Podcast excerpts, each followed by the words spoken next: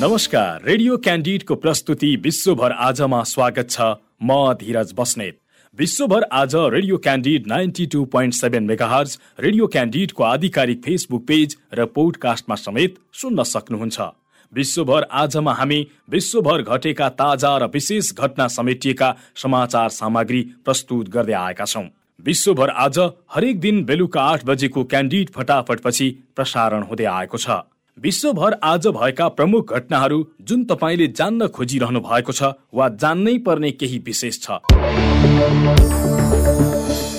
अफ्रिकी मुलुक केन्यामा भएको निर्वाचनबाट उपराष्ट्रपति विलियम रुटो नयाँ राष्ट्रपतिमा निर्वाचित भएका छन्। पचपन्न वर्षीय रुटोले विपक्षी उम्मेद्वार राइला ओडिङ्गालाई झिनो मतान्तरले पराजित गरेका हुन्। बीबीसीले जनाए अनुसार रुटोले कुल खसेको मतको पचास दशमलव पाँच प्रतिशत मत प्राप्त गरेका छन्। पूर्व प्रधानमन्त्री समेत रहेका सत्तर वर्षीय ओडिङ्गाले भने केवल अडचालिस दशमलव आठ प्रतिशत मत चुनावी अभियानले निर्वाचनमा धाँधली भएको आरोप लगाएपछि ढिला गरी मत परिणाम सार्वजनिक भएको हो। ओडिङ्गाका प्रतिनिधिहरूले चुनावमा अनियमितता र अव्यवस्था भएको आरोप लगाएको बीबीसीले जनाएको छ। पराजित उम्मेद्वार ओडिङ्गाका समर्थकहरूले राजधानी नैरोबी नैरोबी सहित मुलुकका विभिन्न स्थानमा प्रदर्शन गरेका छन्। विजेता भएको घोषणासँगै सम्बोधन गर्दै रुटुले मुलुकको निर्वाचन आयोगलाई धन्यवाद दिँदै आइन्दा आफू सबै केन्यालीको राष्ट्रपति बन्ने प्रतिबद्धता समेत जनाएका छन्। केन्यामा गत अगस्त नौमा निर्वाचन भएको थियो। धाँधली भएको भन्दै केन्यामा यसअघि निर्वाचनका क्रममा हिंसात्मक घटनाहरू समेत हुँदै आएको बताइएको छ। बीबीसीका अनुसार सन् दुई हजार सातमा भएको निर्वाचनमा धाँधली भएको भन्दै हिंसात्मक घटना हुँदा बाह्र सय जनाको मृत्यु भएको थियो भने छ लाखभन्दा धेरै विस्थापित भएका थिए। उत्तरी अफगानिस्तानको परवान प्रान्तमा अविरल वर्षापछि आएको बाढीमा परि कम्तीमा एकतिसजनाको मृत्यु भएको छ। बाढीबाट अरू सत्रजना घाइते भएका छन्।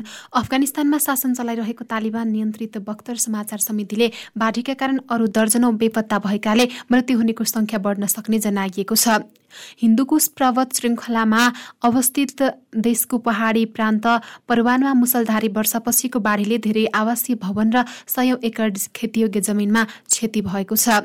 बाढीका कारण परवान बमियान राजमार्ग अवरुद्ध भएको छ। पूर्वमा नानगाहर प्रान्त र उत्तरमा पञ्चशिर प्रान्त लगायत अन्य धेरै प्रान्तमा पनि त्यसको असर परेको छ। विगत केही दिनदेखिको अविरल वर्षा र आँधीले देशका पूर्वी र मध्य क्षेत्रका तीन प्रदेशका अनेक गाउँ बस्ती पनि प्रभावित भएका छन्। बाढीले सयौं आवासीय संरचना हजारौं एकड खेतीबारी र दर्जनौं बगैँचामा क्षति पुर्याएको स्थानीयवासीले बताएका छन्। करिब दुई साता अघि मुलुकको पूर्वी नोरिस्तान प्रान्तको एउटा गाउँमा आएको बाढीमा परि महिला र बालबालिका सहित चालिसजना भन्दा बढीको मृत्यु भएको थियो भने धेरैजना घाइते भएका थिए। पञ्चशिर र तखार प्रान्तमा भीषण वर्षा र अचानकको बाढीले ठूलो जनधनको क्षति भएको तथा करिब दुई हजार नौ सय घरमा क्षति भएको छ। सडक र पुलहरू जस्ता महत्वपूर्ण नागरिक पूर्वाधारहरू पनि प्रभावित भएका छन्। मनसुनी वर्षा र बाढीका कारण अफगानिस्तानमा चार सय जनाको मृत्यु भइसकेको बताइएको छ।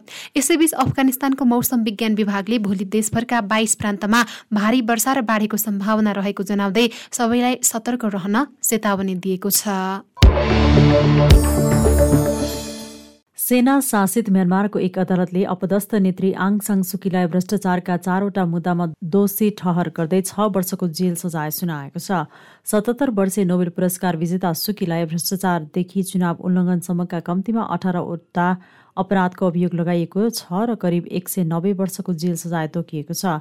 आङ सान सुकीले आरोपलाई बेतुक भन्दै आफूमाथि लगाइएका सबै आरोप अस्वीकार गर्दै आएकी छिन्। उनीमाथि स्वास्थ्य र शिक्षा प्रवर्धन गर्ने संस्था डाउ खिन्की फाउन्डेसन कोषको दुरुपयोगदेखि सरकारी स्वामित्वको जग्गा सहुलियतका दरमा भाडामा दिएको पनि आरोप लागेको छ।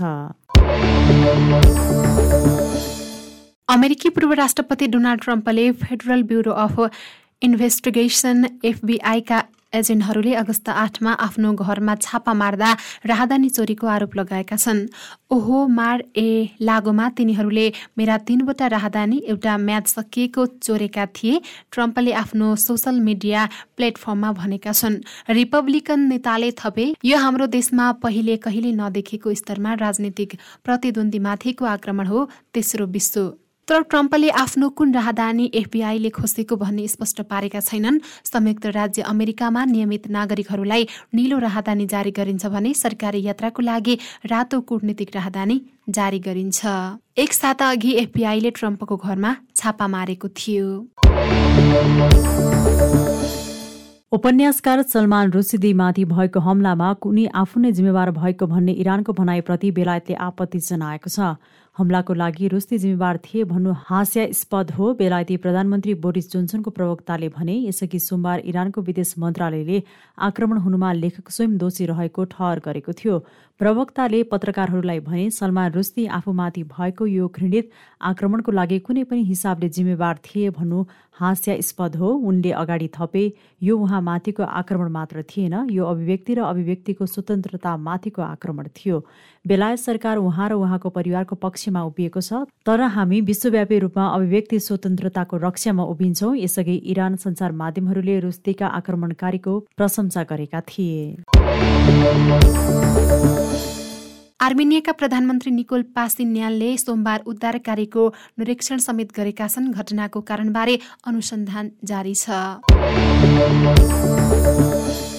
नेपालसँग सीमा जोडिएको भारतको बिहारको मुख्यमन्त्री नीतिश कुमारले मन्त्री परिषद विस्तार गरेका छन्। राष्ट्रिय जनता दल आरजेडीका नेता तेज प्रताप यादव उक्त दलका चारजना विधायक सहितका झण्डै तीस विधायकलाई उनले नयाँ मन्त्री परिषदमा सामेल गरेका छन्। RJD Janata Dal United JLD लगायत विभिन्न पार्टीको समर्थनमा मुख्यमन्त्री बनेका नीतिश कुमारको उपस्थितिमा आज राज्यपालको नयाँ मन्त्रीलाई शपथ ग्रहण गराएका हुन्।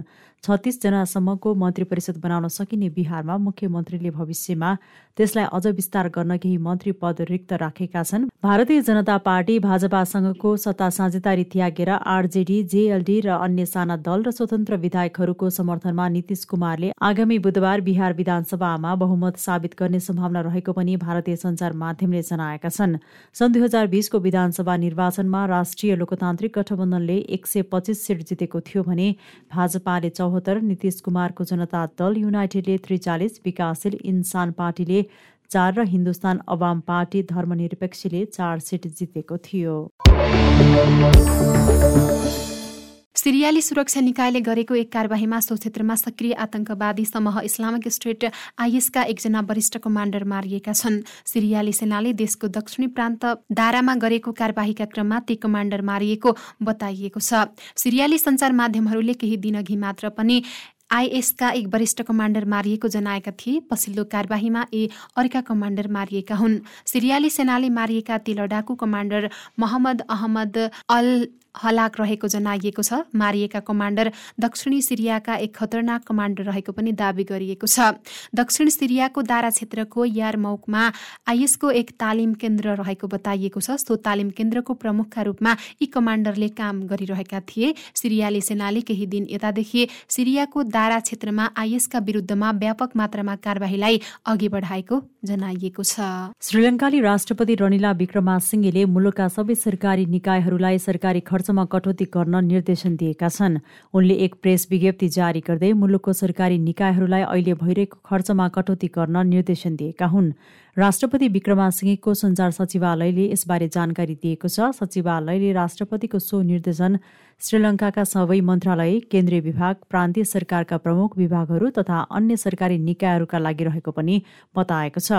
श्रीलङ्काले पछिल्लो केही वर्ष यता आर्थिक चुनौतीहरूसँग सामना गरिरहेको छ। श्रीलङ्काले हाल सामना गरिरहेको आर्थिक सङ्कटको समाधानका लागि देशभित्रका सरकारी तथा गैर सरकारी निकायहरू पनि विभिन्न शीर्षकमा खर्च कटौती गरिरहेको पनि बताइएको छ। राष्ट्रपति विक्रमा सिंहेले सरकारी निकायहरूलाई नयाँ भवन निर्माणको काम नगर्न भवन तथा जग्गा भाडामा नलिन पनि निर्देशन दिनुभएको समाचारमा जनाइएको छ।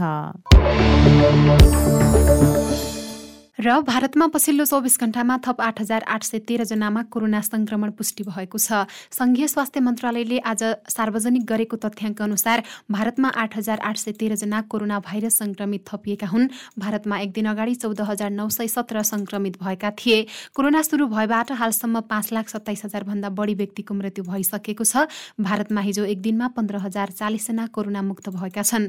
यो सँगै कुल चार करोड छत्तिस लाख अडतिस हजार आठ सय चौवालिसजना कोरोना मुक्त भएका छन्। दैनिक संक्रमितको संख्यामा उतार चढाव भइरहेको छ। भारतमा अहिले सक्रिय संक्रमितको संख्या एक लाख सत्र हजार पाँच सय आठ रहेको छ। नयाँ संक्रमितको संख्याभन्दा संक्रमणमुक्त भएकाको संख्या धेरै रहेकाले सक्रिय संक्रमित घटेका छन्। भारतमा सन् दुई हजार एक्काइसको जनवरी सोह्रबाट कोरोना भाइरस विरुद्ध खोप अभियान सुरु भएको थियो। सो समयबाट हालसम्म दुई अर्ब आठ करोडभन्दा बढी मात्रा खोप लगाइएको छ। भारतमा कोरोना भए यता हालसम्म अठासी करोड साठी भन्दा बढीको कोरोना भाइरस परीक्षण भएको जनाइएको छ। विश्व गतिविधि रेडियो क्यान्डिडको दैनिक प्रस्तुति हो। तपाईँले रेडियो क्यान्डिडको वेबसाइट आधिकारिक फेसबुक पेज र पोडकास्टमा सुन्न सक्नुहुनेछ। सँगै खबर हब डट कममा पनि विश्व गतिविधि पढ्न सक्नुहुनेछ। भोलि फेरि यसै समयमा विश्व गतिविधि बुलेटिन लिएर उपस्थित हुनेछौँ। आजलाई भने बिदा दिनुहोस्। नमस्कार।